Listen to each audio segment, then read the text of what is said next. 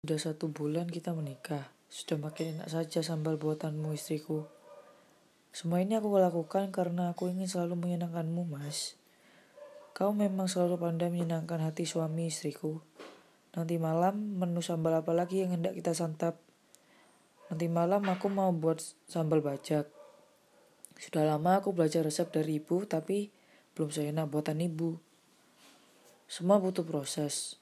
Orang bisa karena biasa. Makanya aku terus membiasakan kamu untuk menghidangkan sambal.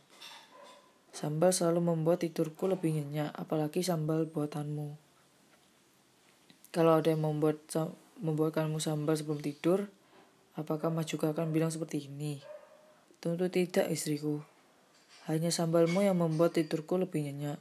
Tidak ada yang mampu membuat sambal dengan rasa yang selalu terbayang setelah menyantapnya. Baiklah. Tapi awas ya, jika ada orang lain yang membuat sambal lebih enak dari buatanku, masih tergoda. Tidak mungkin istriku, percayalah.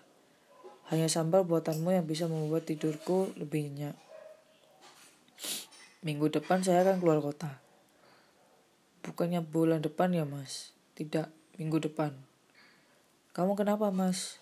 Tidak sepertinya kalau pulang kerja Apakah ada yang salah dengan istrimu ini?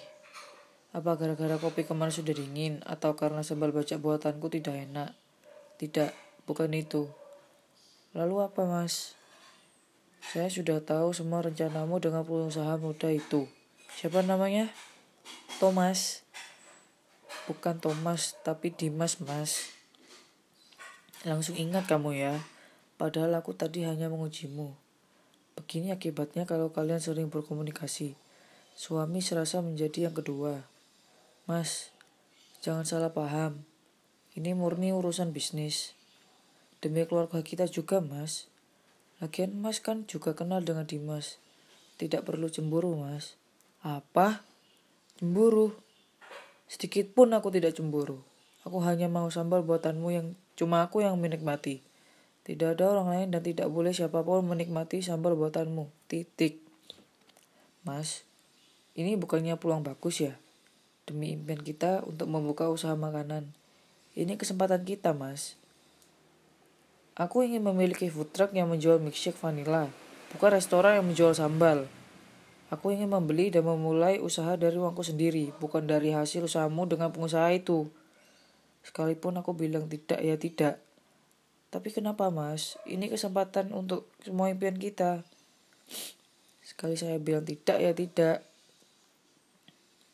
Jadi seperti ini yang namanya kerja. Jadi ini yang namanya tugas kantor. Bukankah aku seperti ini karenamu? Bukankah kamu yang memancing aku untuk berbuat seperti ini? Mas, berapa kali aku menjelaskan kamu tidak akan mengerti.